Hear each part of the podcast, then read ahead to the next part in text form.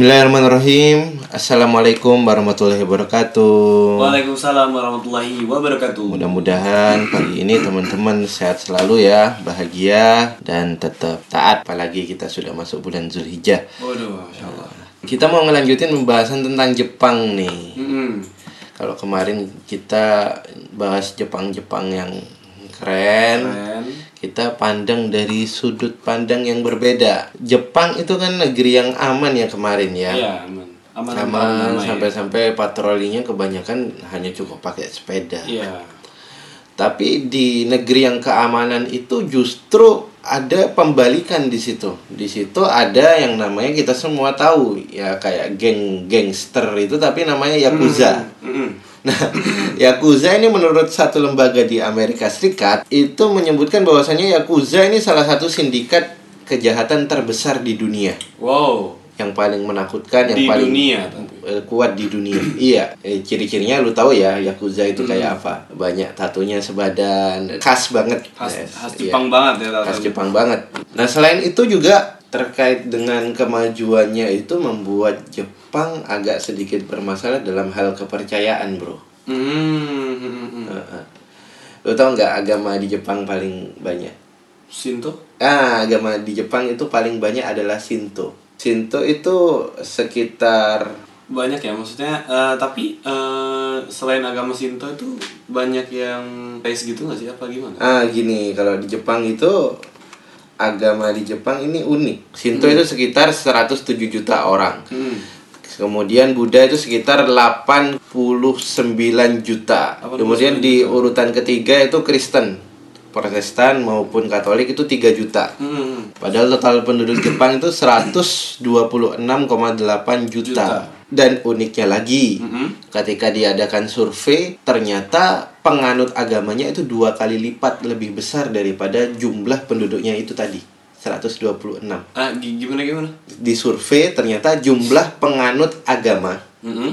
Jadi di total agamanya ini apa aja ketika disurvei semuanya di total Ah. ternyata dua kali lipat. Oh, I see. Jadi mostly penduduk Jepang memegang dua agama kah atau lebih sedangkan ateisnya sendiri 39% dia Wow. dia negeri ateis eh, termasuk negeri ateis terbanyak di dunia 39% dari 12 itu ya. Jadi Bisa 126 itu tadi ya. ha. 39 nyaris 40% ya malah ya. Betul. Berarti yang beragama 60%. Tapi betul dari 60% 60% itu menjadi 200% 200% dari 126 Total penduduk. gitu. Berarti sekitar 240 ya. Bisa dikatakan ma- minimal satu orang Jepang memegang sekitar empat agama. ya? iya Bisa orang dibilang. orang Jepang itu ya karena memang kegalauannya terhadap agama gitu ya Arab agama apa kalau udah agama ya udah sekalian banyak mungkin kalau Hmm. semakin banyak agamanya persentase masuk surganya mungkin lebih besar Oh, I see. menarik. Eh, menarik, menarik. gitu kan ya terus karena mereka memang eh, apa ya di atas kepintaran itu tapi memang karunia iman karunia akal menemukan Tuhan itu adalah hitungan tersendiri. Kemarin juga nemu artikel kalau saking kreatifnya orang Jepang, mereka kadang menciptakan Tuhan mereka sendiri gitu. jelas Dalam iya. artian, contoh di agama Shinto itu kan macem-macem dewanya banyak. Hmm, yang lu kenal dewa Shinto bro. Apa ya? Eh, nggak tahu deh. Eh, kayak ini bukan sih Orochimaru gitu bukan? bukan? bukan antum tahu ini Naruto ngerti ya Iya, iya. dewa tertinggi di Shinto itu Amaterasu Amaterasu, iya iya. iya. itu dewa matahari Ah. makanya kenapa logo Jepang itu seperti itu itu logo yang matahari Iya iya iya. itu Tuhan Tuhan tertinggi mereka kemudian juga ada Susano Susanoo. iya itu dewa Susano. badai Oh, Dewa Badai. kemudian kalau lu tahu Kaguya Kaguya, itu Kaguya. eh, ah. jutsunya yang di atas itu Hmm, kayak Sukoyomi Sukoyomi, nah ngerti ngerti Sukoyomi. Ah, Sukoyomi. Nah, Sukoyomi itu juga merupakan adik Amaterasu menurut Hmm, mereka. adik itu, ya. itu adalah dewa bulan. Dewa Bulan. Makanya Gensunya itu meng- memberikan mimpi ketika ngelihat itu dan itu bulan. Oh, I see. Dan lu tahu referensinya ke sana gitu iya, ya. kan itu itu berangkat ternyata berangkat dari mitologi Jepang. Meto- eh, mitologi ya. Nah, kalau kalau kita ngelihat Dragon Ball jelas banget itu mitologi Cina, ada naga-naga Oh, iya, segala iya, macam. iya.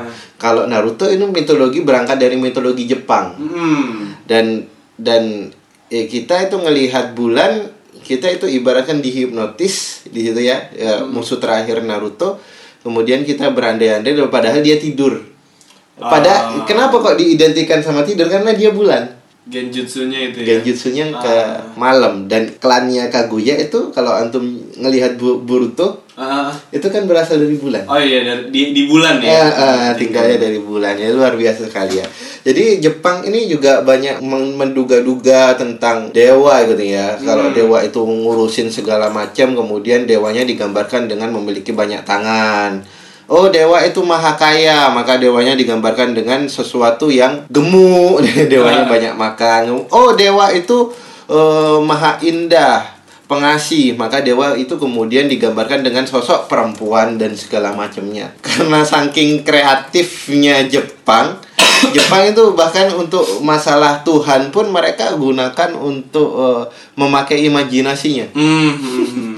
jadi imajinasi yang nggak berlebihan termasuk Oda pun itu kan disebut sebagai Tuhan di Jepang Iya. Eh, apa namanya? Karena dia menciptakan eh, manga yang sangat kompleks gitu ya. Iya. Jadi udah kayak kayak Kayaknya Tuhan, di Tuhan. di One Piece-nya sendiri. Ibaratkan gitu. Tuhan itu bukan satu posisi yang sakral. Tuhan itu satu posisi yang yang siapa pun itu Hmm. bisa mendapatkan posisi itu. Hmm. Atau dengan imajinasi. Iya, iya, iya, iya. Itu kan di Jepang gitu ya. Ah. Maka dengan kerancuan beragama ini membuat orang-orang Jepang itu memiliki hati yang kosong, Bro. Oke. Jadi gak tenang, Nggak tenang, resah, resah, apalagi di atas semua. Walaupun ini ya, kemajuan teknologi di sana Ah, memudahkan segala justru itu bro ketika semua di dunia telah tergapai Mm-mm. what next itu jauh lebih meresahkan daripada orang yang nggak punya apa-apa bro Oh, belum melakukan apa iya kan benar benar benar orang depresi kayak ibaratnya lu udah main main game level tertinggi terus lu ngapain lagi Iya gitu ya? ngapain cuma bro? explore world Nah, itu gitu. lebih lebih menggalaukan daripada gue pengen game ini tapi belum kesampaian Iya iya benar benar benar.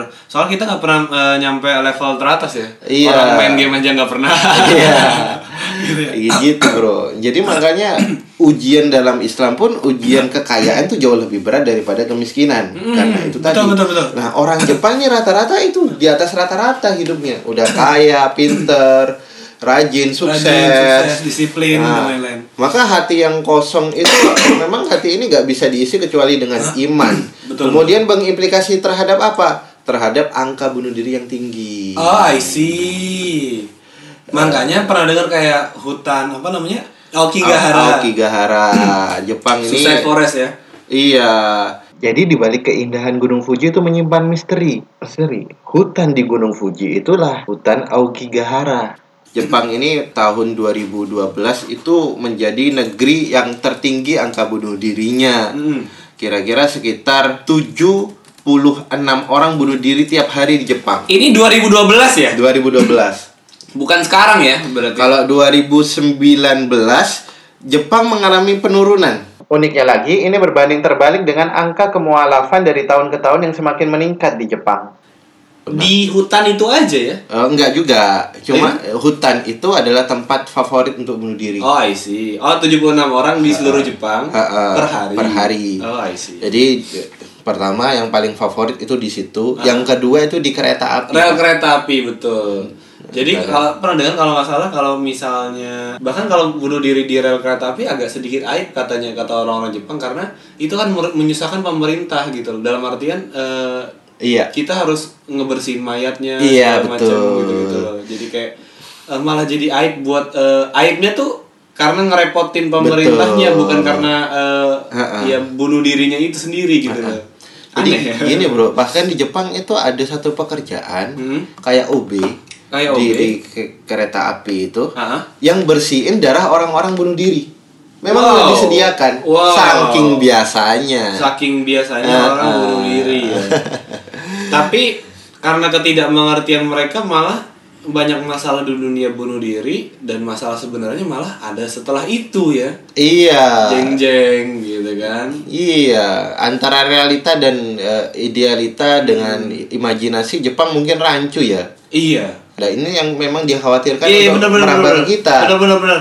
antara eh, dunia yang mungkin apa namanya eh, Nyata sama imajinasi. imajinasi itu rancu sekali kalau itu di- kan itu yang kemudian berimplikasi kepada Benar, kita benar, benar, kalau benar. kita ke- semakin lama masuk ke dunia Jepang itu justru itu yang menjadi virus-virus orang-orang di luar Ah, Jepang. virus-virus gitu ya. iya. virus-virus yang eh, menyebar di di luar Jepang ya. Benar Ya, benar Jepang itu memiliki adalah negara yang paling tinggi pada tahun 2012 sekarang dia di urutan ke-30 angka bunuh dirinya. Hmm, yang kemudian Korea Selatan tuh ke-10 bro. Oke malah lebih ini Jepang ya? Kieverse, semakin terkenal semakin dia menguasai dunia Ah, ah. 2012 kan Jepang tuh menguasai kita. Oke. Memang budaya-budaya anim itu gak, gak terkalahkan lah ya budaya-budaya Jepang Harajuku. Hmm, justru dia menjadi negara paling tinggi angka bunuh dirinya. I see. Korea Selatan sekarang udah merajai. Dia urutan ke-10 ngelewatin Jepang. Hmm. kemudian memang ada beberapa negara-negara yang bermasalah kayak Guyana kayak eh, Rusia itu dengan eh, komunisnya pertama Guyana kedua Lesotho ketiga itu Rusia kemudian 10 Korsel dan ke-30 itu Jepang ini dari kasus bunuh diri ya Heeh. Jadi di urutan ke-34 kemudian ada Amerika Serikat. Negara yang paling maju, negara superpower. Dia eh, hopeless hidupnya. Iya. Semuanya sudah tidak ya ngapain lagi gua Nah, eh, iya kan? Jadi kan unik ya, semakin satu negara itu maju, justru angka bunuh dirinya semakin maju gitu ya. Iya, iya, semakin meningkat itu yang sebelumnya angka bunuh dirinya rendah, Korsel malah naik ketika dia sukses-suksesnya di dunia. Nah, ini Mas Fuad ngerti banget ini ya, angka bunuh diri artis-artis Korea itu kan ngeri-ngeri banget. Iya gitu. benar-benar. Eh, malah eh, itu menginfluence para fansnya nggak sih? Ah, adalah itu ya. itu yang bahayanya. Iya, karena kayak gue pengen ketemu idola gue di surga gitu kan, A- atau Itu juga. sejenis itu untuk motivasi bunuh dirinya. itu gitu. juga bisa bahkan Eminem pun dengan dengan kontroversinya Ah. pernah menciptakan satu lagu yang isinya untuk ngajak bunuh diri bro dan ada satu fans yang ketika mendengarkan itu dia tanpa sadar ngebunuhin keluarganya atau a- tanpa sadar bunuh diri gitu Ah, itu itu memang eh, namanya fans ya pengen niru gitu kan ya Hmm. Eh, terkait apa sih yang bahaya di Jepang? Apakah itu industri eh, tontonannya? Dari yang rusak juga salah satunya industri eh, tontonannya karena jadi konsumsi kita juga ya maksudnya orang-orang luar itu menonton eh, apa namanya industri hiburan mereka juga gitu loh. Jadi kayak dunia pun nggak ada yang nggak tahu kalau soal hiburan Jepang tuh sebobrok itu sebenarnya. Iya. Mau tak tak sebutin ininya apa namanya istilah-istilahnya gitu ya. Oh boleh boleh. Jadi eh, kemarin kan aku melakukan beberapa survei eh, bukan beberapa survei sih Eh, aku nanya ke IG IG storyku terus banyak yang jawab dan aku nanya boleh nggak minta nomor WhatsApp mereka? gitu loh jadi aku ketemu sekitar ada eh, 6 atau 7 ahwat dan sekitar 4 ihwan gitu aku tanya-tanya gitu siang malam eh, setahu apa sih soal ini ini ini ini ini ini, ini dan ini gitu Hmm. Nah, eh, aku pun tahu dari istilah-istilah ini dari beberapa grup di Facebook gitu kan suka kayak kemarin ya aku bilang eh, teman-temanku desainer mereka juga sering eh, nge-share nge-share apa gitu karya dan lain sebagainya. Tapi kadang juga ada yang eh, nge-share di Jepangan gitu loh, Mas. Jadi ketika apa namanya? Jadi aku eh, tahu beberapa istilah-istilah yang mungkin eh, akan tabu kita bicarakan ini ya. Nah, misalnya salah satu contohnya ini ada istilah namanya eh, bahasa Indonesia tuh ada bokep ya. Kalau di sana tuh sebutannya JAV gitu loh. JAV tuh Japanese Adult Video. Nah, biasanya eh, JAV ini adalah iya just video video film birunya orang Jepang gitu loh. Iya. Gue juga pernah ini bro mem- eh, membaca satu Hmm. tulisan itu kalau yang namanya hiburan kayak tontonan video porno Hmm. seperti itu itu dijual di pinggir-pinggir jalan biasa di Jepang. Ah, I see. Bahkan Kayak- juga di beberapa minimarket gitu ya. Iya, Oh iya iya, iya. kalau kalau kita lihat di anim apa Eh, gitu ya kayak eh, eh, ada orang yang ngejual eh, apa namanya majalah-majalah porno iya di, di rak-rak minimarketnya atau gitu. video-videonya I see, atau kaset-kasetnya Hmm. itu kaset CD. ya, Iya, bahkan gitu. ada yang yang khusus satu minimarket jual itu. di kehidupan sehari-hari yang namanya pelacuran di Jepang itu Mm-mm. meskipun kemarin diceritakan sama Agung kalau ketahuan memakai pelacur itu adalah aib. Oh gitu. Ya. Iya, iya, benar, benar. ketemuan selingkuh itu adalah aib, Aib. itulah. Tapi ternyata di sisi lain Jepang itu angka pelacurannya tinggi. Iya benar. Kenapa? Karena e, di dari Jepang itu dengan kondisi kehidupan yang begitu padat, Padat, nggak- eh, kerja punya- 16 jam kemarin biasa, ya. 16 jam, kemudian eh, impiannya banyak dikejar mati-matian. Nah, Jepang ini membuat membuat orang-orang Jepang ini sedikit waktu terhadap keluarganya. Maka Jepang ini dari 29 negara berada di urutan yang bontot untuk urusan hubungan intim. Oke. Iya, pernah tahun 2012 itu itu ada 5000 mahasiswi yang mendaftar sebagai pelacur. Lima ribu. 5000. Dan itu bukan aib ketika menjadi pekerjaan seperti itu Wow. di Jepang. Jadi kalau ada KTP misalkan pekerjaan ya pelacur. Oke. gitu. Ya, ya, ya. Tapi uniknya perempuannya itu lebih tinggi daripada laki-lakinya. Justru untuk industri seperti itu Mhm. laki-lakinya kekurangan pemain. Perempuannya Oh, banyak. I see. Iya, iya, iya. Pernah baca sih itu laki-lakinya kekurangan pemain. Suka suka ada ini ya grup-grup yang bercanda bercanda terus kayak langsung kayak OTW Jepang, OTW Jepang. Iya. Cowok-cowok tuh komen OTW Jepang apaan sih lu kayak kayak kayak iya mereka ternyata mereka adalah orang-orang yang suka ini sih suka tentang video-video seperti itu. Iya. gitu. Dan mereka tuh gak mau berkeluarga, Bro. Oh, I see. Karena Karena keluarga- sudah mendapat eh, Maklumat keluarga itu nyusahin, keluarga bener-bener. itu begini. Iya, iya. Iya, Dampaknya ma- tapi di sisi lain, Mhm. Goriza untuk mempertahankan diri, ya, termasuk Goriza untuk melakukan hubungan seksual, naluri, Mhm. naluri untuk melampiaskan itu, itu kan nggak bisa dihapus dari manusia. Iya. Maka pelariannya terhadap itu, ah, mungkin- pelacuran, Pelacuran, kemudian nonton video-video ini, porno, gitu ya. segala macam. I see. Nah terus ini ada lagi pak istilahnya banyak saya nemu ininya pak dari wawancara wawancarain gitu. Oh iya luar biasa antum ya. Iya maksudnya eh, yang pernah tercebur macam-macam meraga ininya gitu loh. Salah satunya tadi ya eh, kalau misalnya tadi Jeff kita ngomongin sebelum itu ada namanya grafur pak.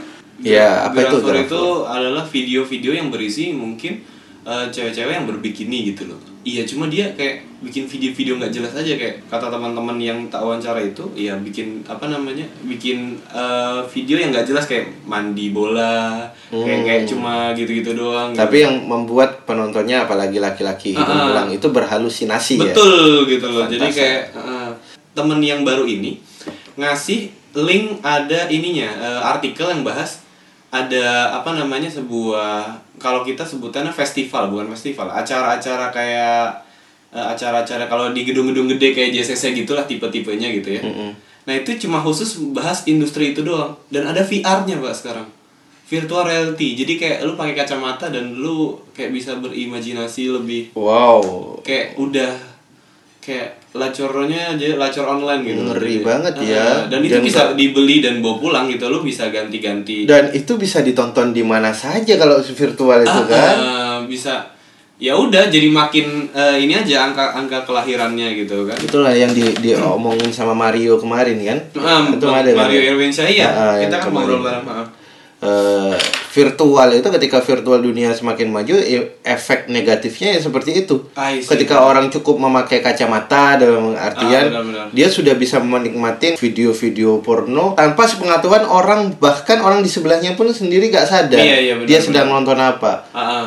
Jadi itu di- kayak kayak film Black Mirror yang kemarin dikasih tahu itu ya Black Mirror di Hmm, serial Netflix itu iya iya Ah, iya iya. Saking majunya teknologi ini adalah dampak negatif yang mungkin orang itu keren sih. Oh iya eh, para pemain grafur ini biasanya lari pelarian dari idol group pak. Jadi Oh, iya, iya. ada beberapa yang eh, diketahui. Idol group ya jenis-jenis AKB48 gitu ya. Setelah, setelah ini pelariannya dari eh, idol group menjadi idol grafur gitu.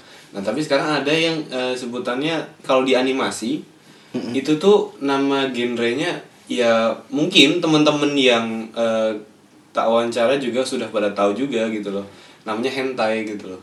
Hentai itu adalah video video esek-esek tapi ya animasi gitu loh. Menampilkan adegan-adegan. Animasi. animasi. Kartun Jadi, an- gitu anime, ya? anime. Anime Kartun. anime hentai sebutannya.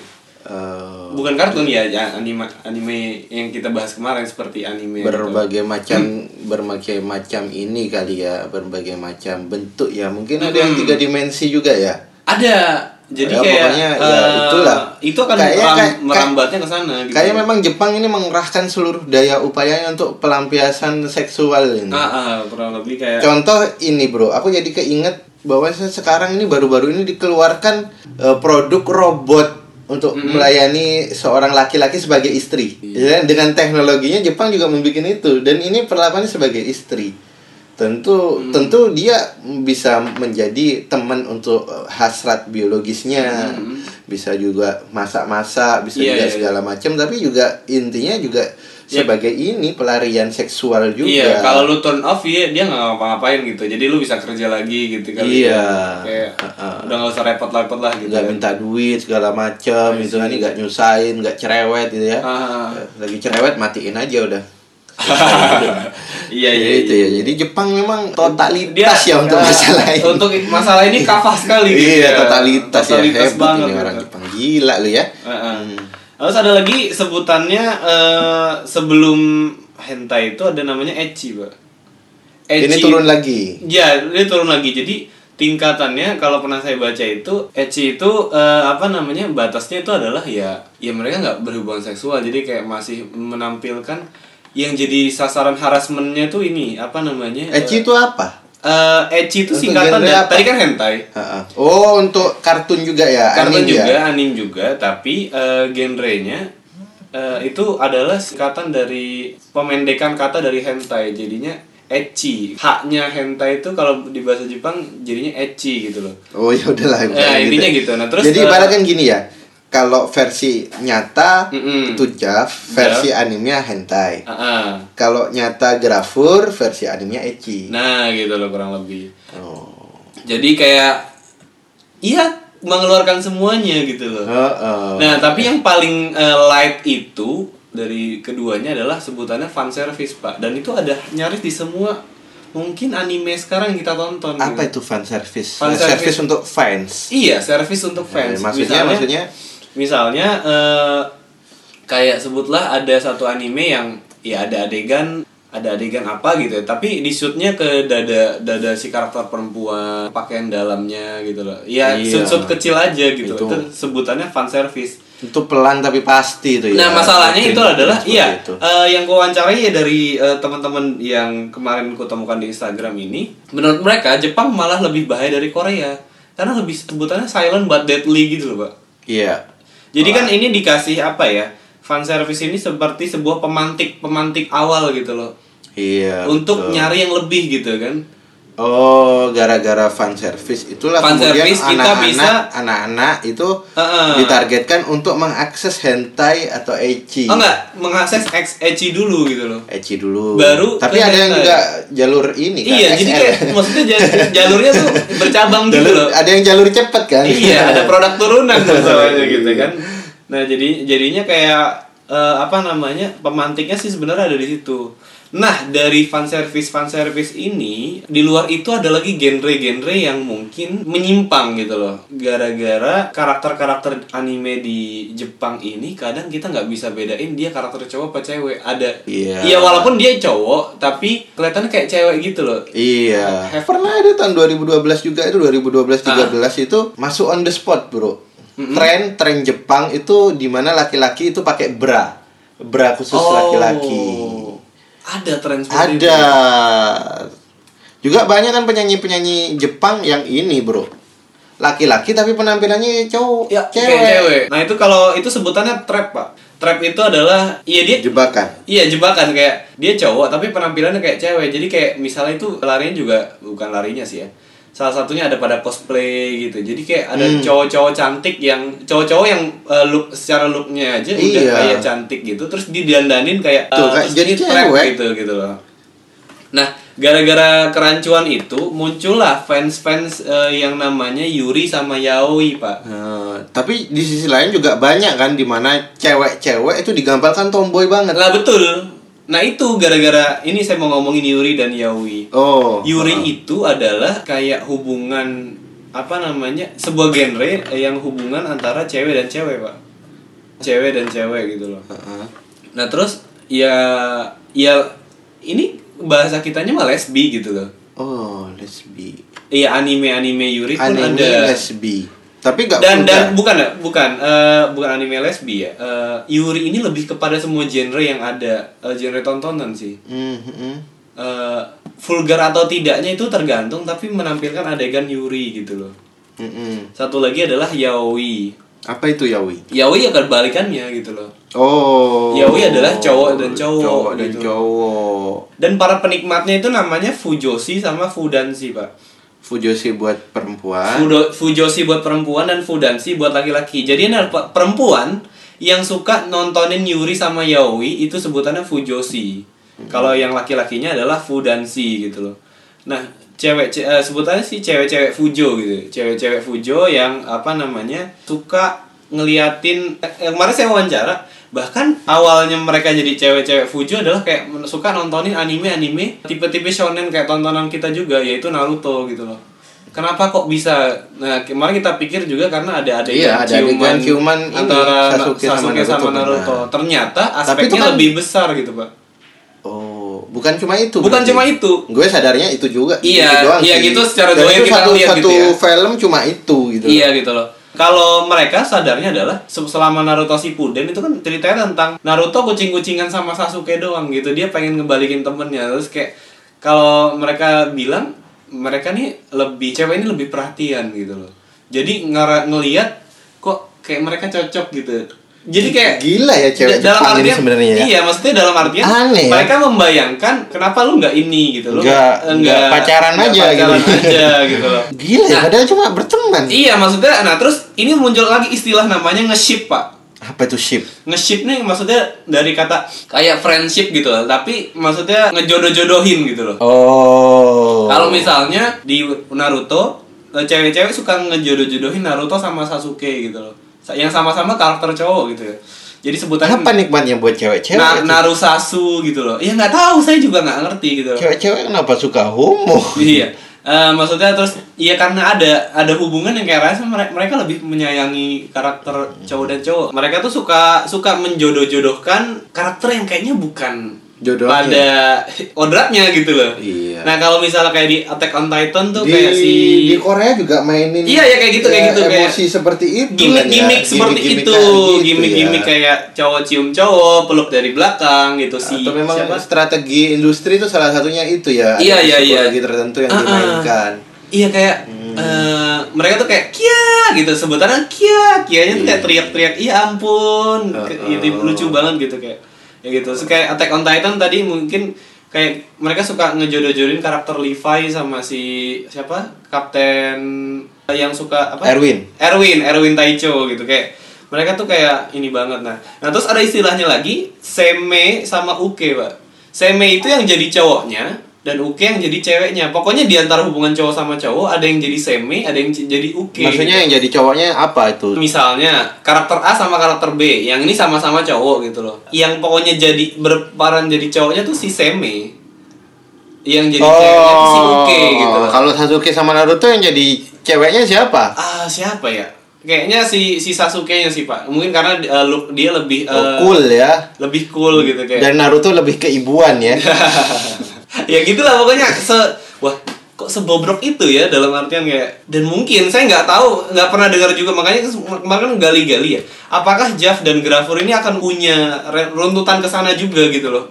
Ke tipe-tipe Yuri dan Yaoi juga. Iya kita nggak pernah tahu mungkin karena kita nggak pernah ketemu sampai situ juga gitu ya. Iya iya, mungkin kita bisa ini ya wawancarai pecandu Jav mungkin. Iya, eh ya bukan pecandu jasa. Nanti kita akan wawancara Mantan, teman mantan. teman saya juga yang Eh. eh, anak wibu, wibu banget lah intinya. Oh Nah, iya. terus masih ada istilah-istilahnya pak sebelum Kalau- kita kalau- wawancara. Nah terus ada lagi sebutannya fan war ya itu kalau misalnya mereka nggak setuju mereka ribut fan war, fan eh, perang antar fans gitu loh. Contoh Kayak Naruto sama Ruffy hebat mana? Iya kayak gitu-gitu kemarin ya, ya Oh. suka ada reaction di Facebook terus kayak mereka berantem sendiri gitu-gitu kayak ya mereka ngeberantemin hal yang nggak nggak penting sebenarnya kayak Iya, iya. kayak waduh ini nggak kenapa kenapa kok mereka ribut gitu ya Terus ada lagi Iya, pak. Kenapa Kapten Erwin tidak dihidupkan pakai tujuh Oh, oh. buah naga Dragon Ball? ya gitu kan bisa jadi gitu gitu. Ada lagi nih yang kebobrokan salah satunya produk turunan dari industri esek-esek ini adalah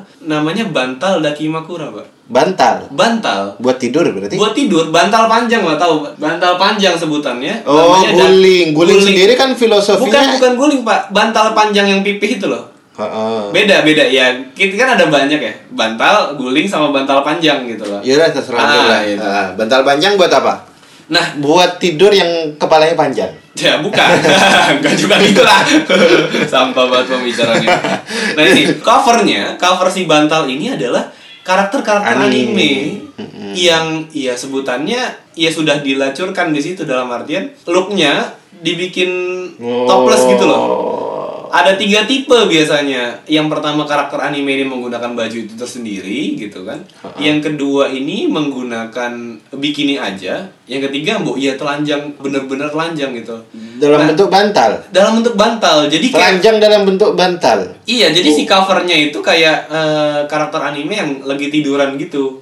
Makanya kan ada ada berita-berita yang pernah kita baca kayak ada laki-laki menikahi bantal gitu loh. Iya, menikahi boneka. juga menikahi ada. boneka dan iya jatuhnya seperti itu pak makanya ada ada sebutannya eh, kayak hikikomori gitu loh hikikomori itu kayak mengurung diri kayak orang-orang ansos Iya, iya. antisosial Kemarin gitu. ada yang nikah sama Miku ya. Hatsune iya Miku. Hatsune Miku karena Beli virtualnya 42 juta. Ah, jadi kayak iya itu loh semakin semakin ini aja kayak ngebawa pulang boneka terus dia jadi ansos ya itu eh, mengurung diri di kamar dan lain-lain sebagainya gitu loh. Ada lagi sebutannya yang mungkin eh, ini populer di cowok-cowok sih sebutannya fetis pak. Apa itu fetis? Ya intinya gini, fetis itu kan eh, saya baca arti keseluruhannya adalah penyimpangan seksual yang dia bakal terangsang kalau melihat suatu bagian tubuh misalnya Melihat. melihat atau memegang atau Iya, sejenis ya, berinteraksi lah ya. Berinteraksi gitu ya. Nah, terus kayak suka ada yang nanya di forum-forum fetis lu apa gitu loh. Fetis fetis fetis gua ketek misalnya. Kan misalnya kayak keteknya ketiak, ketiaknya apa namanya? Ada ada grup tuh kan yang kayak eh, landai kayak lapangan terbang gitu kayak. Keteknya. Ah, ah, dan Emang ada ketek kayak lapangan terbang? Enggak, misalnya kayak ya bersih aja gitu. Oh, kayak di iya. foto-foto yang pernah saya lihat di Facebook juga. Wow, itu mata Eh, keranjang juga ya? Ya enggak, eh, maksudnya ada yang nge-share juga, Pak. Yang nge-share yang tadi sebut teman-teman saya yang apa namanya? desainer itu nge-share nge-share itu. Iya. gitu loh kan ada yang eh, mereka raise up angkat tangan gitu loh. Iya. Yang memang ketiak mereka bersih-bersih gitu. Oh, Dan eh, rahasianya ada apa itu? Iya nggak tahu, kita nggak pernah tahu perawatannya apa yang mereka lakukan. Perawatan untuk ketiak. Iya gitu. Penting. Nah terus gini, eh, setelah setelah ini fetish lu apa? Dan ketika melihat ketiak mereka kayak terangsang gitu loh.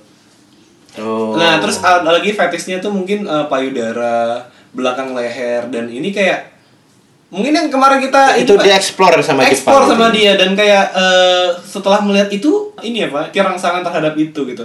Bahkan yang kemarin saya wawancara Heeh. sampai ini yang cerita Ahwat gitu. Kata temennya ada yang fetishnya itu adalah eh, mohon maaf nih sebelumnya. Fetishnya adalah kotoran manusia. Pak Iya. Dan itu parah banget maksudnya kayak ketika dia melihat kotoran manusia mungkin di eh, ada ya mungkin eh, di video-video Iya.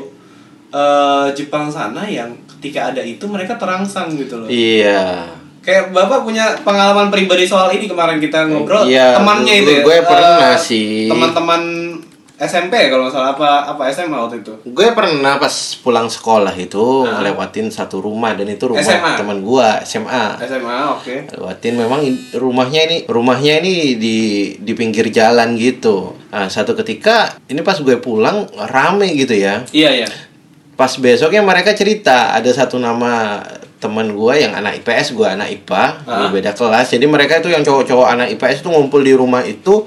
Kemudian besoknya malah cerita, cerita ada satu yang mutah namanya Fendi kalau nggak salah. Oke. Muntah-muntah, kenapa kok mutah? Gue kan dengerin dengerin doang kan. Aha. Ternyata habis nonton video yang namanya Sukatoro. oke Ya, Sukatoro. Apa itu video Sukatoro kan gue gak tahu juga kan. Mhm. Katanya itu video porno Mhm. yang di situ ada interaksi dengan kotoran-kotoran. Jadi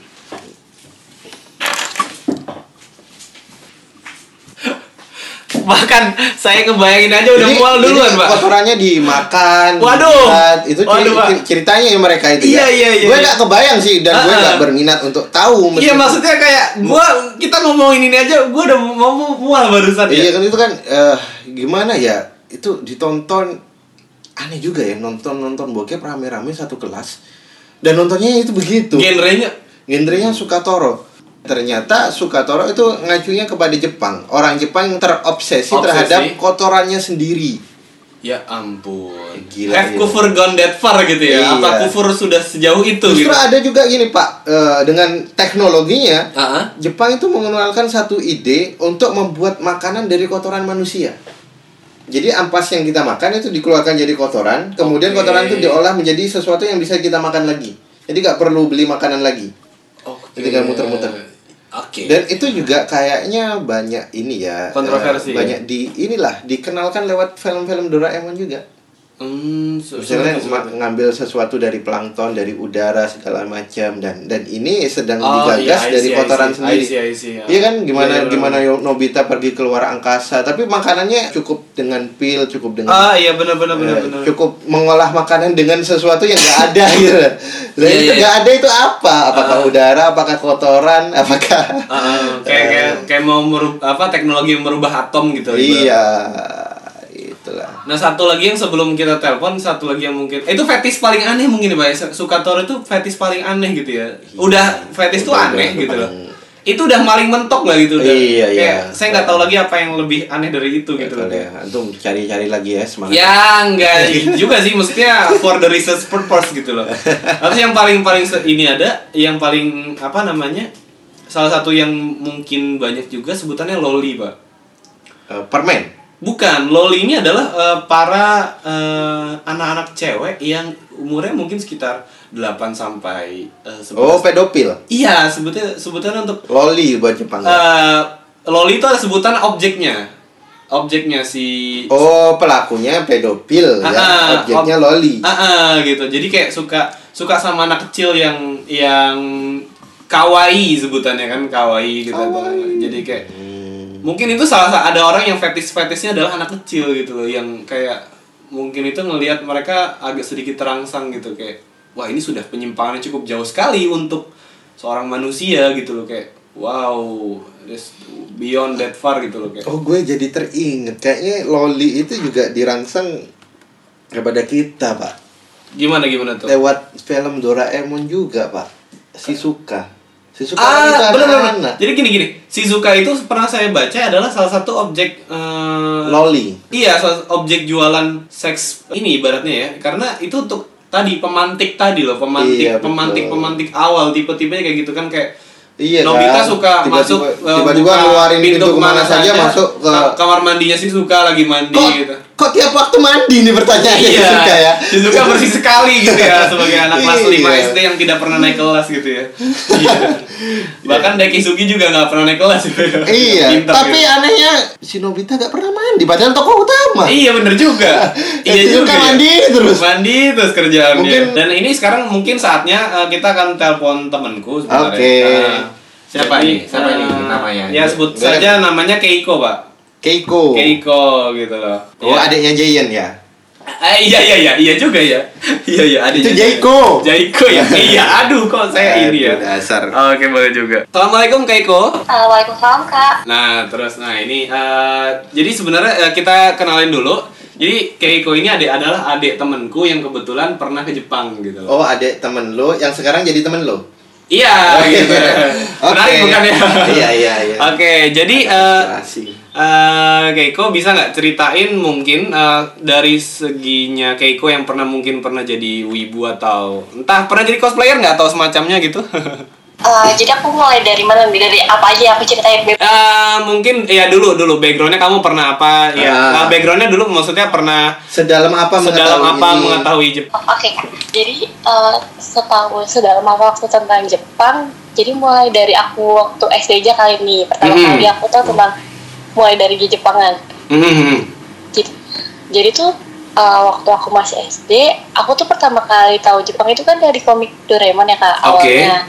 Nah, Hmm, bener. pas aku tahu dari komik Doraemon, uh, akhirnya menurutku komik Jepang tuh menarik gitu loh akhirnya aku Mm. cari semua tuh komik Jepangnya Oke. pas udah aku cari-cari komik Jepang eh, kan ada kan kalau Jepang itu covernya menarik-menarik ya lucu Iya iya. gitu kan Kawaii kawaii Pas gitu ya. Iya, kawaii-kawaii gitu. Eh pas aku lihat dalamnya kok gini gitu kan. Padahal Mm-mm. yang aku baca itu di sinopsis belakang bukunya biasanya kan ada tuh. Nah itu tuh sebenarnya ceritanya dari situ sih eh, kayak biasa aja. Eh pas aku baca kok ada adegan-adegan yang tak terduga gitu loh kak. Mm-mm. Itu komik apa itu? Ada. Doraemon tadi. Doraemon. Enggak. Apa? Kan awalnya aku Awalnya Doraemon. Awalnya Doraemon. semua, Oh, awalnya. Doraemon. Terus akhirnya aku cari semua tuh beberapa komik Jepang lainnya. Mm-mm. Eh, pas dari situ, akhirnya pas udah aku lihat adegan-adegan yang agak nggak terduga gitu, kan itu ceritanya tentang anak SMP ya. Oke ya. Uh, akhirnya aku jadi sering cari-cari komik yang lain tuh. Pas aku komik yang lain, kan udah sering ngeliat adegan yang udah udah kayak semacam biasa aja gitu kan ah, ah. Adegan-adegan adegan kayak gitu akhirnya aku jadi kayak nyari lebih jauh akhirnya aku nyari di website-website gitu kan semua uh, komik yang ceritanya mungkin bagus tapi meskipun genrenya itu ya mungkin kayak hentai atau ecchi atau yang berbau-bau kayak agak dewasa Mature gitu. content, Ya, mature content. tetap aja aku baca aja Wow, iya. dibaca? tetap aku baca aja karena Emang itu disewain ya? oh, Emang tuh Apa? disewain? Emang emang yang seperti itu dulu disewakan atau gimana bisa dapat seperti itu? kalau misalnya dulu tuh iya sih sebenarnya di dekat sekolahku ada yang nyewain gitu kak Itu pun Hmm. disewakan yang hentai itu. Iya ada yang nyewa, iya ada yang nyewain. Jadi mungkin karena ngelihat ya, oh yaudahlah baca aja gitu kan. Mm. Kalau misalkan yang Karena dulu nggak punya filter ya, web- eh, Keiko ya. apa ah Dulu nggak punya filter semacam ya pengetahuan gitu ya. Jadi kayak baca baca aja gitu ya.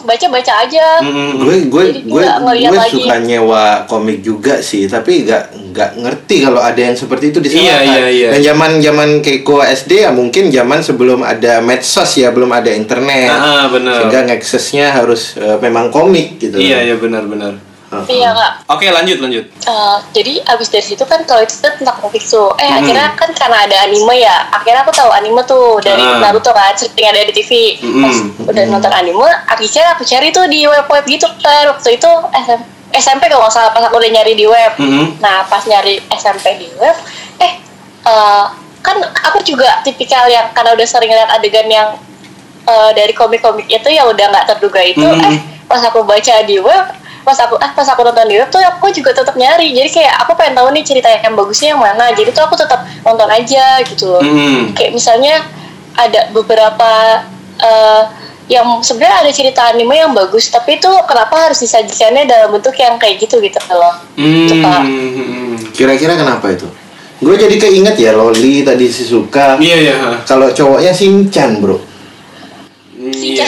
Shinchan kan sering ngeluarin gajahnya itu loh bro Oh iya benar benar benar Oh. benar. Eh, objek eh, sexual harassment gitu ya. dan itu sekarang di branding sama Taki Malik Kenapa kita kembali ke branding itu ya? Oke lanjut lanjut lanjut. Nah, terus kalau misalnya akhirnya pas baca-baca apa nonton baca-baca dan nonton dan aku. anime yang udah nggak tanpa filter kayak gitu tuh jadi kayak apa ih ya udahlah adegan kayak gini tuh udah biasa Udah biasa aja gitu ya. Ada pembiasaan dari situ malah ya. Oh, nggak merasa takut atau deg-degan lagi gitu kan akhirnya aku Hmm. tonton semuanya Oh, udah gitu. biasa bahkan ya? kalau misalkan nyari di web itu tuh kayak misalkan yang top anime atau top manga biasanya tuh aku udah pernah nonton kak Hmm. Wow. jadi mengkonsumsi semua jenis ya Iya iya iya. Jadi konsumsi semua jenis teman-teman yang apa namanya tipe-tipe kayak mungkin ke tipenya kayak Mas Fuad Naim gitu ya. Jadi Iya. nontonin semua eh, ini dan dia eh, nontonin semua anime yang mungkin eh, masuk top, top list di suatu web gitu ya. iya iya menarik Menarik. menarik iya menarik. bener Nah itu eh, mungkin review dari eh, kenapa kamu bisa kecemplung ke dunia Jepangan ini atau perwibuan ini ya Keiko ya. Iya bener terus banget, Kak. sekarang aku mau nanya, ya setahu apa kamu sama Iya. kebobrokan Jepang gitu kan? Dalam artian industri-industri, ah dampaknya juga terhadap entah itu kamu atau kenalan-kenalan kamu gitu ya? Eh, jadi tuh kalau misalnya tentang industri-industri Jepang kan Jepang itu dia disebut dengan grafer ya. Nah kalau Ah. grafer itu tuh kayak apa? Jadi kayak ada grafer kan, nah grafer itu Ah. sebenarnya tuh foto-foto, eh, foto-foto yang pakai bajunya tuh minim-minim gitu loh kalau buat Hmm. cewek. terus posenya tuh kayak ya aneh-aneh gitu dia kadang-kadang tengkurap lah tiduran lah itu kalau kalau kan ada juga eh, yang disebut kayak Jav kan ya atau Jav Oh. kan artis vulgar kan Ah. nah aku tuh tahu Jav itu tuh sebenarnya awalnya dari eh, pas nyari Graver juga sih kan aku Oh. juga s- cukup suka sama AKB 48 tuh nah akhirnya aku jadi tahu dari situ juga. Oh, ternyata pintunya tuh gitu bener ya? Dari idol group ke Grafur terus ke dari ke Jav gitu ya. Iya, iya bener banget kak. Dari idol sih sebenarnya. Oh, dari I idol see. terus tahu Grafur nih. Terus tahu tentang Jav. Oh ternyata mantan AKB ada yang jadi artis Jav tuh Oh itu garis merahnya itu ya. Iya, garis benang merahnya ke situ ya. Mungkin karena gak laku. Salah satunya itu Kemudian mungkin. pin- pindah genre. Nah, maksudnya kayak eh, kan persaingan idol kayak Jep- eh, Korea aja gede banget Pak Jepang apalagi mungkin gitu. Jadi kayak ketika nggak laku eh, apalagi harus bisa dilakukan untuk bertahan hidup kali gitu Iya, kali ya. jual badan dikit demi sedikit ya. Iya, iya benar benar. benar. Oke oke. Lanjut lanjut lanjut. Ah, terus udah kayak gitu kalau misalnya lanjutnya ke dampak ya kak kalau dampaknya Ah. sebenarnya sih ini kan dulu tuh aku waktu aku nonton nonton tanpa filter atau ngebaca tanpa filter itu tuh aku jadi pertama dampaknya sebenarnya ke diri aku diri aku tuh Hmm. kalau ngelihat cewek temen ya temen Hmm. cewek yang misalnya nggak pakai kerudung nih Iya. nah itu tuh kadang-kadang aku suka ngebayangin tentang dirinya dia tanpa baju pakaian atau baju gitu loh Oh, jadi I see. buset. loh, Jadi- kok aku tiba-tiba Jadi eh, maksud dalam artian eh, dampak ini juga berpengaruh pada eh, perempuan ya. Apalagi Iya. cowok ya. See. cowok bener. bener. Eh dan ya. jadi tuh aku pas aku lihat gitu tuh kayak ya aku jadi ngerasa loh ini tuh sebenarnya dia yang salah nggak pakai kerudung atau bajunya yang sebenarnya aneh atau sebenarnya otak aku yang udah rusak gitu loh kak. Jadi dari situ tuh aku merasa loh kok aku bisa ngelihat kayak gini gitu kan aku jadi takut Hmm. sendiri. Terus eh, kalau itu ke cewek kalau ke cowok sebenarnya ya iya sih agak berefek kayak merasa agak gimana gitu ngelihatnya juga agak jijik sih tapi itu kan lebih kayak udah nggak usah diliatin aja mendingan kayak gitu kan Mhm. terus Hmm. dampaknya lagi tuh sebenarnya bisa jadi juga kan temanku tuh dulu waktu aku SMA itu tuh ada terus bangku malah jadi tuh kan ya kita kan cerita cerita ya sama cewek Mhm. nah dulu tuh dia tuh ternyata suka banget sama Yaoi Yaoi itu yang cowok sama cowok Cowok sama cowok. terus akhirnya Iya, terus aku tuh suka di kayak diracunin gitu sama dia kayak, ih ini deh, coba deh kamu baca yang ini deh, ini tuh menarik Hmm. banget loh. Awalnya tuh sebenarnya dia ceritainnya kayak di awal kali pertama kali dia kenal Neo itu kayak Sasuke sama Naruto, padahal kan Sasuke sama Tuh. Naruto ya, terus Sasuke sama Naruto ada apa sih gitu? Mhm. Karena tuh kalau menurut uh, Fujoshi disebut kayak fansnya Yo Iya, ha, tadi udah dijelasin di sebelum ini. Ha. jadi tuh uh, apa namanya mereka tuh ya nge-ship cowok sama cowok gitu loh kan Terus Mm-mm, aku tuh bener, suka bener. kayak di udah ini kamu baca ini aja nih kalau nggak eh aku ceritain deh sini deh ini tuh ceritanya menarik banget tau nah aku tipikal orang yang suka semua cerita kalau ceritanya bagus ya aku Hmm. mah denger dengerin aja atau aku nonton aja ya eh akhirnya dari situ tuh aku jadi kayak sempet tertarik juga kayak ih iya ya lucu ya kalau cowok sama cowok gitu ih parah banget kan Gila. Menarik, menarik, menarik. Efeknya sampai segitu ya. Heeh. Lanjut, lanjut. Heeh. Terus aku jadi eh, apa namanya merasa kayak eh, ya udah ini mah nggak apa-apa kali cowok sama cowok gitu pada saat itu ya Nah. terus eh, ini mau aku ceritainnya tentang ini juga nggak kayak apa pas aku ke Jepang Boleh, boleh, boleh, boleh. Boleh, boleh, boleh banget. jadi aku ada sedikit cerita nih tentang waktu aku perjalanan aku ke Jepang kemarin Mhm. jadi itu kan kemarin itu aku nginep di salah satu apartemen temanku nah dia itu sebenarnya berempat sama temennya Mhm. Terus pas aku nginep, kan aku datang ke Wakayama tuh. Pas aku ke Wakayama, aku mau pergi ke Osaka. Kata dia gini, oh eh, kamu mau ke Osaka ya kayak kata dia gitu.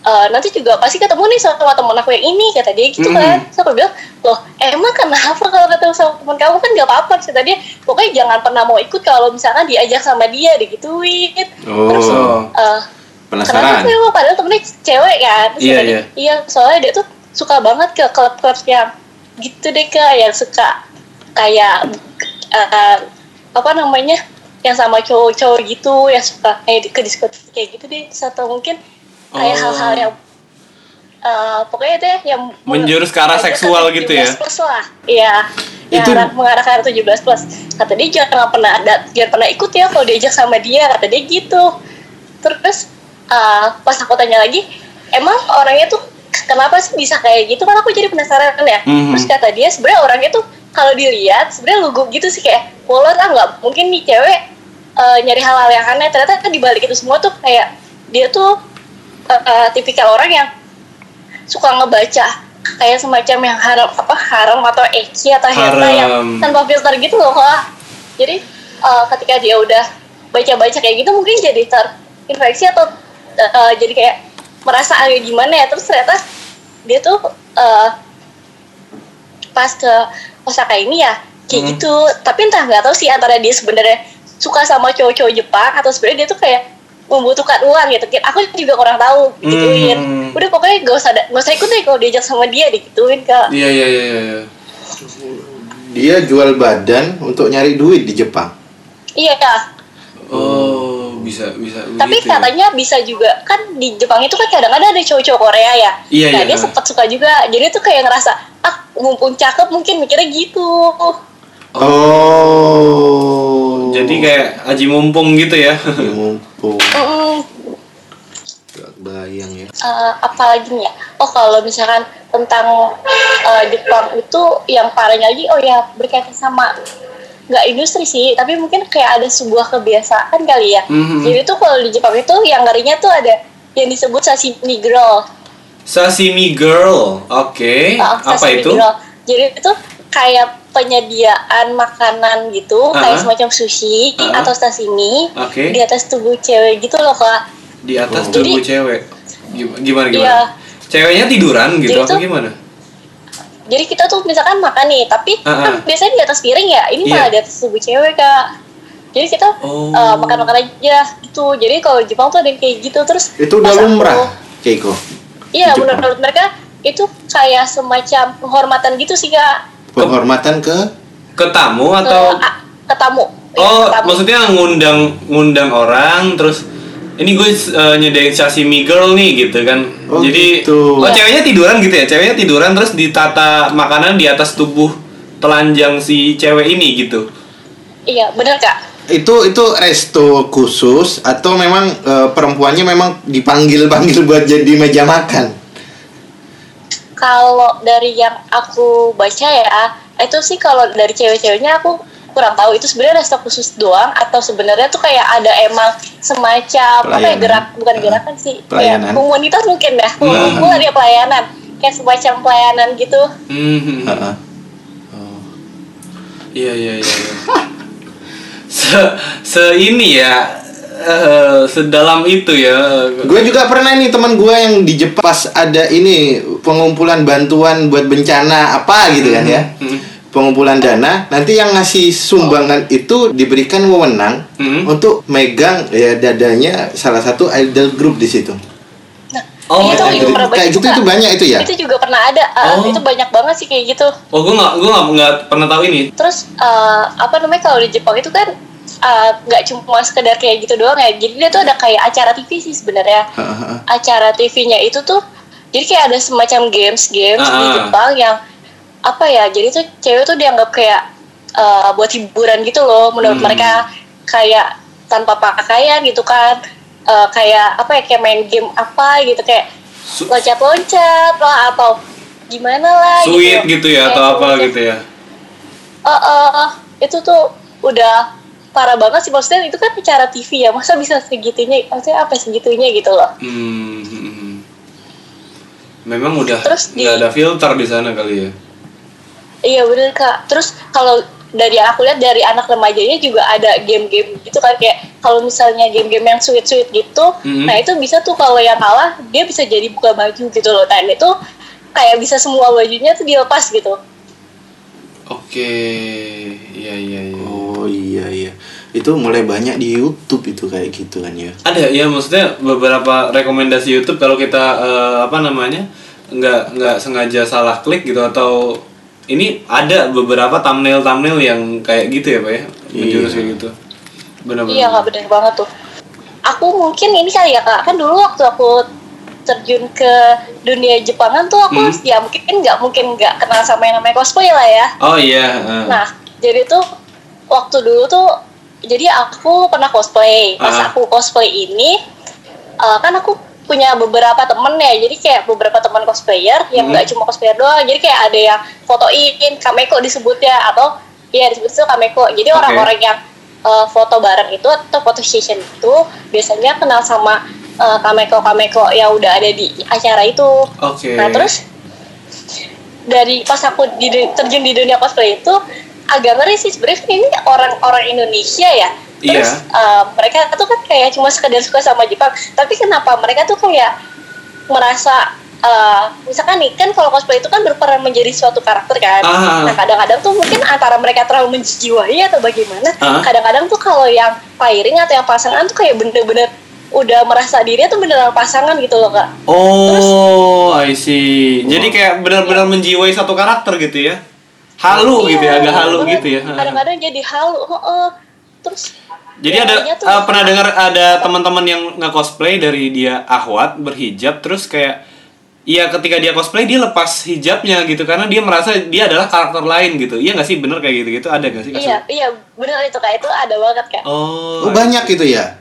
bukan ada lagi ya Eh, berarti banyak gitu atau Kalau dibilang banyak mungkin tergantung sih. oh Jadi waktu aku itu emang ternyata pas aku terjun ke dia cosplay kebetulan aku hijrah kan. Nah Mhm. tapi itu aku belum hijrah banget gitu kan. Mhm. Jadi tuh pas aku datang nih ke, ke acara cosplay, aku Mhm. udah pakai gamis, aku pakai kerudung panjang, Mhm. aku pakai kaki, aku pakai sepatu, tapi tanpa aku pakai make up kan ya. Iya. Nah ternyata pas aku udah nyampe ke sana kan aku pengen cosplay ya kak. Iya. Terus pas aku cosplay ya aku buka semua nih kak. Jadi kayak ya udah aku Oh. pengen jadi karakter yang pengen aku jadiin gitu kak. Jadi kayak Oh. eh jangan lah jangan pakai begitu ntar nggak ada malah merusak karakternya itu juga. Waktu itu aku Oh. pernah berpikir kayak gitu. merusak karakter ya, I see gitu loh. Iya iya iya. Gue gak tahu mau ngomong apa. Iya. Sampai sedalam itu ya maksudnya menarik menarik menarik. Aduh. Iya iya iya. Eh, Oke mungkin ada lagi yang mau diceritain. Eh, kalau enggak kita tutup Enggak, aja. ini, Atau Pak. gimana gimana? Ceritanya Keiko kenapa Oh, milih mungkin. jalan hijrah ke Oh iya iya boleh boleh boleh boleh. Dari Ah, sedalam Ah, itu. ah. dari Apa sedalam ya, itu. Ah, jalan hijrah kamu nih kayak. Kenapa aku memilih untuk hijrah? Ah, ah, Ah. boleh boleh. Jadi ketika aku udah pernah ke dunia hal-hal yang kayak gitu, terus Mhm. udah pernah uh, merasakan hal-hal yang ih kok gini gitu kan, itu tuh Mhm. aku jadi kayak sadar gitu loh ternyata kan uh, di sisi lain misalnya aku terjun ke dunia cosplay dan di Jepangan ya aku juga pasti masih belajar tentang agama ya karena waktu itu masih SMA kan masih sekolah. Mhm, mhm. Nah di situ juga aku mikir lah kayak kok aku bisa kayak gini gitu kan akhirnya tuh jadi tersadarkan dan aku Hmm. tuh jadi menemukan kayak fakta-fakta gitu loh jadi tuh sebenarnya emang cewek tuh bagusnya pakai gamis yang longgar-longgar atau pakai kerudung panjang Hmm. daripada pakai baju yang ketat nah soalnya pada saat aku dulu gitu kan yang nonton tanpa filter tuh kayak cewek gak pakai kerudung doang gitu kan aku Iya. bisa seburuk itu pakaiannya nah gimana kalau misalnya buat cowok gitu kan gimana gimana orang-orang mandang aku gitu kan nah berarti akhirnya dari situ tuh aku jadi sadar kalau berhijab itu tuh penting buat cewek gitu Oh, akhirnya aku jadi iya, iya, iya, memutusin benar-benar. buat hijrah juga Benar benar benar benar. Oh masya Allah banget ya. Walaupun Iya. prosesnya berat kayak Iya. kayak ini ya, udah pakai hijab tapi masih gak bisa ngelepasin cosplay. A- ada beberapa orang yang gitu juga ya. ha? Heeh. Ah, benar benar benar. Bisa ceritain Keiko perjuangannya dalam mm, hijrah kemarin? oh per- eh, perjalanan dalam hijrah kemarin sebenarnya sih kayak masih agak eh, ini sih awalnya kan kalau beli kos barang-barang cosplay gitu kan mahal ya kak Mm-mm. awalnya tuh kayak masih merasa ikan ini mahal masa aku buang gitu kan atau aku jual gitu kan kadang tuh masih kayak ngerasa ih enggak lah ini kan karakternya lucu banget ini kan nggak parah-parah banget kadang tuh kayak masih agak membolehkan diri Ada denial denial gitu ya. Penolakan penolakan eh, yang eh, dari kamu juga Ya, gitu ya. halus. Ah, Iya, ah. penolakan halus gitu kadang-kadang tuh masih ngerasa kayak gitu. Padahal kan sebenarnya udah udah jelas itu nggak boleh gitu kan. Mm-mm. Dan akhirnya tuh tantangannya juga dari teman-teman sih kan kalau misalnya udah nggak pernah cosplay lagi kadang-kadang ditanyain ya eh kok kamu nggak pernah datang acara ini lagi Buset. ayo cosplay bareng Ayo Ukhuwah ya. cosplay lagi." Oh kuahnya ya. Ukhuwah cosplayer. Oh kuah cosplayer. Benar benar. Iya, emang kita tuh kadang dekat banget gitu Iya, jadi bener. sampai bener-bener ditanyain deh kamu nggak ikut event ini gitu kan soalnya tuh event tuh biasanya tiap minggu tuh ada kak Hmm. Menarik. terus menarik. tantangan Kayak kajian ya tiap Tantangan, minggu iya. ada gitu ya. Ah. Iya, kayak kajian. Terus eh, biasanya tuh tantangannya juga kayak kan aku belum bener-bener stop ya dari situ nggak bener-bener stop Hmm. buat nonton atau ba- baca gitu kan kadang-kadang tuh tuh kayak masih tertarik kayak ih anime ini lucu nih ih lucu kali ya kalau di cosplayin gitu terus Hmm. atau mungkin kayak ih cerita ini bagus nih nonton aja nggak ya nonton aja nggak ya padahal kan ini udah jelas maksudnya genrenya tuh udah parah gitu Udah kan nggak bagus lah ya. eh kak Iya, tapi tuh kadang-kadang suka merasa kayak ini tuh udah bagus tuh ceritanya udah nonton aja deh kadang-kadang suka kayak gitu. Tapi sekarang alhamdulillah udah enggak gitu. Nah, Hmm. jadi itu sih kayak paling tantangan-tantangan waktu aku kemarin mau hijrah gitu pas udah lagi hijrah. Oke. Untuk nikmatin film itu kan kadang ini ya eh, kebayang-bayang ya se- sebelum meninggalkan benar-benar itu prosesnya berapa lama Keiko? Waduh itu sedikit agak lama sih kak. Jadi bisa dibilang mungkin sampai sekarang juga bisa dibilang masih aku tahu beberapa adegannya gitu kan. Hmm. Tapi ya mungkin kan baiknya nggak dibuka lagi kan. Iya, Gitu iya, sih. iya, sih iya. kalau misalnya kita sering ngulang-ngulang aja, jadi sering keliat gitu kan. Tapi kalau udah nggak pernah lihat lagi ya mungkin kayak oh iya nih ada adegan kayak gini tapi udah udah lupain aja gitu. Jadi kayak lebih gampang buat melupakannya gitu. Mhm. Hmm, Candu ya. Salah satunya mungkin eh, pembiasaan habit kali Pak. Lebih dari 40 hari nggak nonton itu akan lebih memudahkan. Ap- apakah singkat 40 hari Iya, maksudnya maksudnya nggak nggak itu ya. Maksudnya kan istiqomah Pasti untuk tahunan deh. Iya, pasti tahunan gitu loh. Maksudnya pembiasaannya kan kayak kita tuh kalau jadi apa namanya 40 hari itu kan membuat habits baru gitu. Iya. Jadi kayak latihan tuh dari situ ya. Pasti benar tahunan ya karena Iya, efeknya- namanya candu ini oh, berat banget, Bro. Iya, iya, iya, iya. Iya, hampir udah agak lama sih kak. Kan dulu aku terjun di dunia cosplay itu 2014 ya kak. Sekarang Wow. udah 2019. Lima tahun ya, udah lima tahun ya benar-benar. Iya, udah lima tahun. Tapi itu aja masih kayak kadang-kadang tuh masih sedikit sih sedikit ngerasa ih karakter ini lucu beli kali ya Iya. gitu atau apa ya Iya. gitu kan. Iya, iya. Bahkan se- eh, ada perasaan itu kecil ya sampai sekarang juga ya. Apa kak? Masih ada perasaan kecil itu ya sampai sekarang gitu ya. Kecil walaupun kecil Masih gitu ya. masih Hmm, Uh, menarik. masih masih ada setengahnya gitu. Hmm, hmm. Meskipun cuma sedikit. Terus nasib teman-teman kamu Keiko? Apa hijrah juga Hijrah atau juga atau Eh, buat teman-temanku sih sebenarnya ada beberapa kayak cowok atau cewek yang dia tuh udah berpikir oh iya sebaiknya emang kita hijrah gitu kan itu Hmm. ada tapi ada juga yang bener-bener strict banget kayak eh, enggak lah apaan sih? Gitu kadang-kadang suka bercandain ah apa sih kamu? Gitu kadang-kadang masih kayak gitu kak. Terus Hmm. sebenarnya yang lebih susahnya lagi tuh kalau udah terjun dunia cosplay kan foto kita pasti kebar ya. Dan Ah. itu tuh kadang aku agak ngeri sih. Kadang-kadang kan ada eh, apa kameramen yang nggak mau hapus foto ya. Padahal tuh aku udah minta tolong dong dihapus gitu kan gini gini gini gini. Oh, mau nah dihapus? itu tuh jadi kayak masih agak Ah. sampai sekarang tuh kadang-kadang ada. Tapi alhamdulillahnya ada beberapa yang udah ngapus fotoku sih gitu kak ada yang bener-bener Oh. ngadukku kayak udah bagus deh kamu hijrah gitu kan terus dia juga ikutan hijrah ternyata terus Oh. ada juga yang bener-bener masih sampai sekarang dan dia jadi terkenal banget gitu bahkan dulu temen yang apa ya teman seperjuanganku ada yang sampai masuk ke salah satu idol group yang dia tuh udah sering ke Jepang bolak-balik Hmm. Wow. Iya iya iya.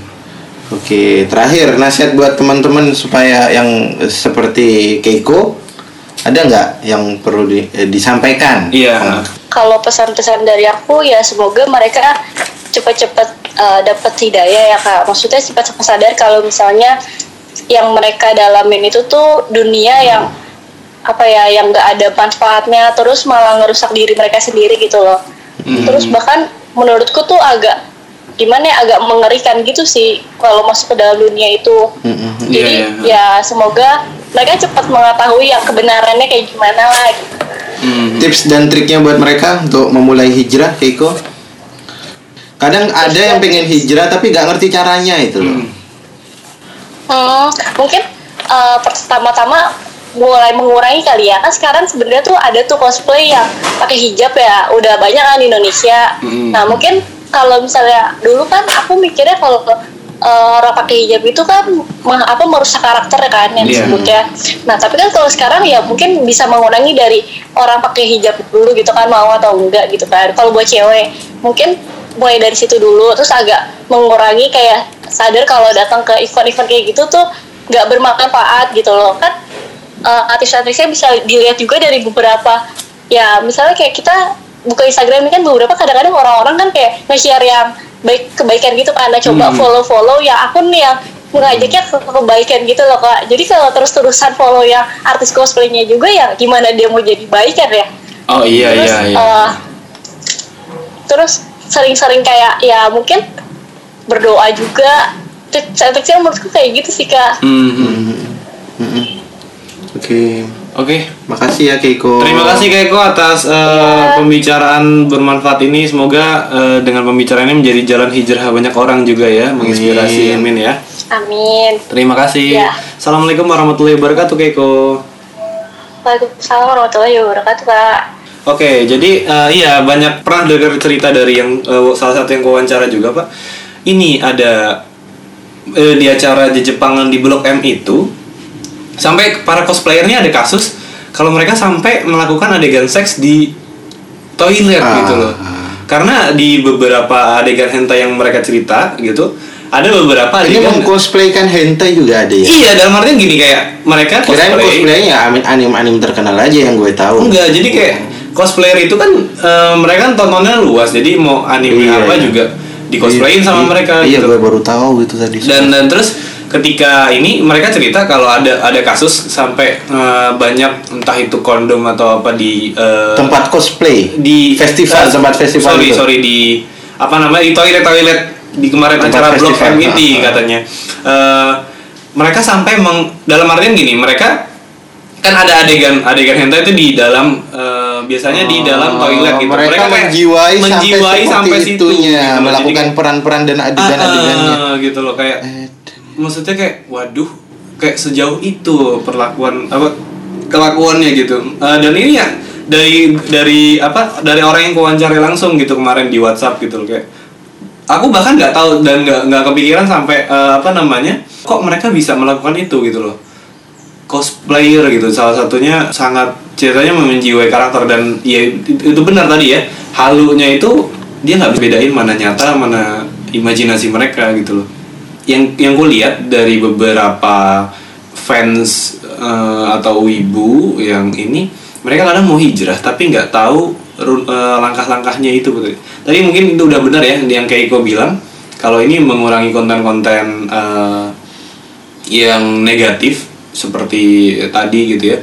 Dan salah satu yang pernah ku tonton ya, ah, jadi ada ada pernah eh, satu video yang pernah aku tonton itu di media sosial ada salah satunya nge-share tentang eh, industri itu dan bagaimana cara menanggapinya yaitu salah satunya mencari teman teman untuk sama-sama menguatkan gitu ya gabung komunitas-komunitas kebaikan atau apa pun gitu kurang lebih gitu sih Iya, iya, iya. Mm. Kalau penutupan dari gue Mm-mm. kepada teman-teman ya memang berat sih kalau menunggalkan hobi. Iya, gitu ya. Tapi bahwa ya dipikir ulang ketika itu membawa pengaruh kepada pengaruh hal-hal yang negatif bahkan sampai sejauh itu Mm-mm. kenegatifannya ya kita pinter-pinter memfilter lah Iya. tontonan-tontonan itu. Ketika memang ini tidak bermanfaat ya jangan ragu untuk ditinggalkan karena efeknya eh, adalah efek yang tidak dibayangkan sebelumnya. Oke, eh, mungkin sekian dah. Gue kehabisan kata-kata habis dengerin Keiko. gue gak tahu mau ngomong apa biasanya kalau gue ngomong eh, sejam pun gak berhenti bisa gue. Iya, tapi Jadi, gara-gara aduh. denger- aduh. Apalagi yang cerita ini perempuan dan Iya. sampai perempuan mengatakan gara-gara tontonan itu kemudian ngelihat orang, orang itu langsung terbayang kayak kayak ini ya, kayak ada infrarednya ya, langsung Hmm. kebayang telanjang gitu. Perempuan ya Allah. Gimana laki-lakinya ya? nah itu betul Hancur ya. Mungkin gitu aja eh, dari saya Sifrun dan teman gua. daya ganggu Oh begini. Summa sawwahu wa nafakha fihi min ruhi. Ketika kita disempurnakan dalam penciptaan itu dimasukkan ke dalam kita itu ruh. Maka kita sempurna karenanya. Kemudian disempurnakan lagi wa ja'ala lakumus sam'a wal absara. Kita kemudian diberikan pendengaran dan penglihatan. Indra yang disebut sebagai telinga dan indera yang kita sebut sebagai mata. Kenapa ini disebut spesial di antara lima indera yang kita punya? Kenapa? Karena dua indera ini adalah menjadi sumber informasi kita, sumber maklumat sabiqah kita. Kalau kita nggak punya informasi, maka kita tidak memiliki ilmu dan kita tidak punya instruksi untuk melakukan satu tindakan yang tepat. Kemudian kita diberikan wal afidah, kemudian diberikan hati. Yang kemudian hati itu tugasnya apa? Memilah-milah dari apa yang kita tonton, apa yang kita dengar mana yang layak untuk diteruskan dilihat, mana yang tidak layak untuk diteruskan, lebih layak untuk ditinggalkan. Mana yang layak untuk didengarkan lebih lanjut, mana yang layak untuk ditinggalkan, ditutup telinga kita. Misalnya dari penglihatan, komik-komik, manga-manga, cosplay-cosplay, tontonan-tontonan, foto-foto, grafur tadi, atau pendengaran lewat eh, lagu-lagu, lirik-lirik, termasuk lagu-lagu idol, atau ketika aktif dua-dua indera ini, tontonan-tontonan, konser-konser, film-film, drama-drama, anim-anim, adegan-adegan. Qalilan ma tashkurun. Karena sedikit yang bersyukur. Bagaimana bersyukur itu? Yakni yang dimaksud bersyukur ialah ketika kita mengaktifkan penglihatan dan pendengaran itu sesuai dengan saringan yang berupa hati itu. Instruksi keimanan yang berada dalam hati ini. Mana yang haram, mana yang halal, mana yang memberikan kebaikan, mana yang tidak, mana yang kemudian memberikan manfaat untuk diri sendiri dan orang banyak, itu maka kita memilih untuk melanjutkannya, atau mana yang tidak, sekali bahkan menimbulkan kerugian, mafsadat bagi kita, itu layak ditinggalkan. Nah, ketika kita sudah nurut dengan instruksi dari hati, yang di mana hati itu memiliki iman, takwa wahuna, takwa itu ada di dalam dada, iman itu ada di dalam dada, nah itulah bersyukur. Maka perhatikan apa yang kita lihat pikirkan baik-baik. Apakah ini menimbulkan manfaat atau justru sebaliknya? Apakah ini menimbulkan manfaat untuk diri kita dan orang lain? Atau malah justru merusak diri kita, bahkan merusak orang lain pula? Karena apa?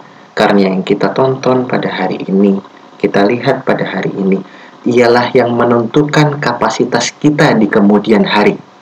Karena apa? Karena yang kita tonton dan kita lihat pada hari ini itulah yang akan kelak yang menentukan nasib kita di hari kemudian di hadapan pengadilan agung yang suci itu. Ya, wassalamualaikum warahmatullahi wabarakatuh. Waalaikumsalam warahmatullahi